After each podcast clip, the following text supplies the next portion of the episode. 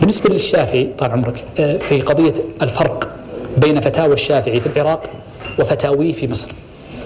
آه، كم بنى الناس وخاصة أهل الأدب على اختلاف آه، آراء الشافعي في العراق وآرائه في مصر من أساطير بمعنى كلمة أساطير. وبنوا أسباب كثيرة لا حقيقة لها. الشافعي لماذا قيل إن له يعني إن, إن له قولين؟ ألف كتبا في العراق ثم رجع إلى مصر فحرر كتبه فزاد فيها ونقص. أعظم سبب لتغيير آرائه أو هناك أعظم سببين. السبب الأول أنه كان يؤلف كتب قديما ويقول أنا على طريقة أهل المدينة. فكان يقول قال صاحبنا يعني مالك قال صاحبنا فكان ينتصر لصاحبه. فكتبه القديمة التي ناظر فيها آه، مثل الحجة على محمد بن الحسن وغيره كان يقول قال صاحبنا يعني مالك. فلما نضج بعد ذلك أصبح يرد على مالك فألف كتابا سماه اختلاف الشافعي أو مالك والشافعي. فالزيادة في العلم والانتصار للمدرسة كانت في مرحلة ثم بعد ذلك أصبح نوع استقلال له في الاجتهاد. هذا السبب الأول.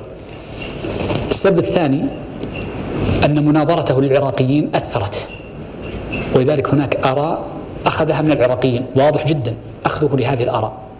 السبب الثالث وهو الأهم والأوضح والأكبر أن الأحاديث كانت حجازية وشامية وعراقية ويعنون بالعراقية الكوفية. الشافعي أخذ أحاديث الحجازيين مع أن كثيرا من الصحابة لم يكونوا في الحجاز كعلي وابن مسعود وغيرهم. ثم لما ذهب للعراق المرة الأولى أخذ كتب العراقيين واطلع على أحاديثهم. ثم لما زار العراق المرة الثانية اطلع على كتب أهل الأمصار أحاديث أهل الأمصار مثل الشاميين والخراسانيين وغيرهم. وقد كان من تلك الطبقة الذين جمعوا هذه الأحاديث أحمد وقد قال له أحمد هو قال لأحمد إذا صح عندك الحديث فاكتب لنا به لنأخذ به لنأخذ به. فكان أحد أعظم الأسباب أن الأحاديث التي وقف عليها في في مصر لم يكن قد وقف عليها في الشام. ولا شك. ولا ريب أن الشافعي معظم للنصوص الشرعية تعظيم لا يكاد يقاربه أحد. ولذلك في كتاب الرسالة يعني لا شك أن يقاربه كثير لكن قصدي يعني في في المصنفين. ولذلك في الرسالة بين البيان الأول والثاني والثالث من السنة فبناؤه الأحكام على السنة واضحة وبينة. وله قاعدة مشهورة جدا جدا ألفت فيها ثلاث مؤلفات. حينما قال إذا صح الحديث فهو مذهبي. ألف فيها السبك الكبير. آه، قول الإمام المضطربي إذا صح الحديث فهو مذهبي وألف فيها ولي الله العراقي.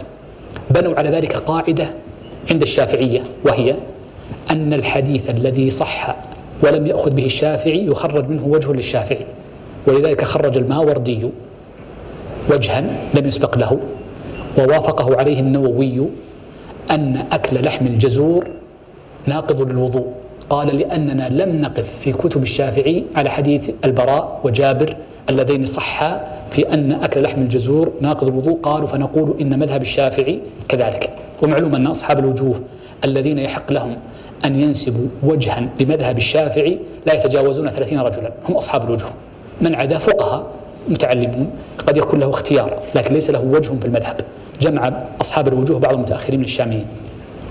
فالمقصود أن هذا هو مبناها وهذا هو الظن بالشافعي وكثير مما قد ينسج حول الشافعي في ذلك هو في الحقيقة ظن وليس بصحيح. بل إن الشافعي عندما ذهب مصر ازداد فقره زاد فقره كثيرا جدا بل كان في, في, في العراق أكثر مالا وكان في اليمن واليا على نجران للصدقات فكان أكثر مالا لولا الفتنة التي ابتلي بها. وإنما كان فقيرا جدا إلى حين وفاته. فكيف نقول زاد مالا؟ كان منعزلا عن الناس ذكروا عنه أن فيه شدة انعزال فكيف نقول أنه انفتح على الدنيا ورآها؟ ولذلك من توقير أهل العلم معرفة السياق التاريخي للحياة والسياق الزماني للعصر.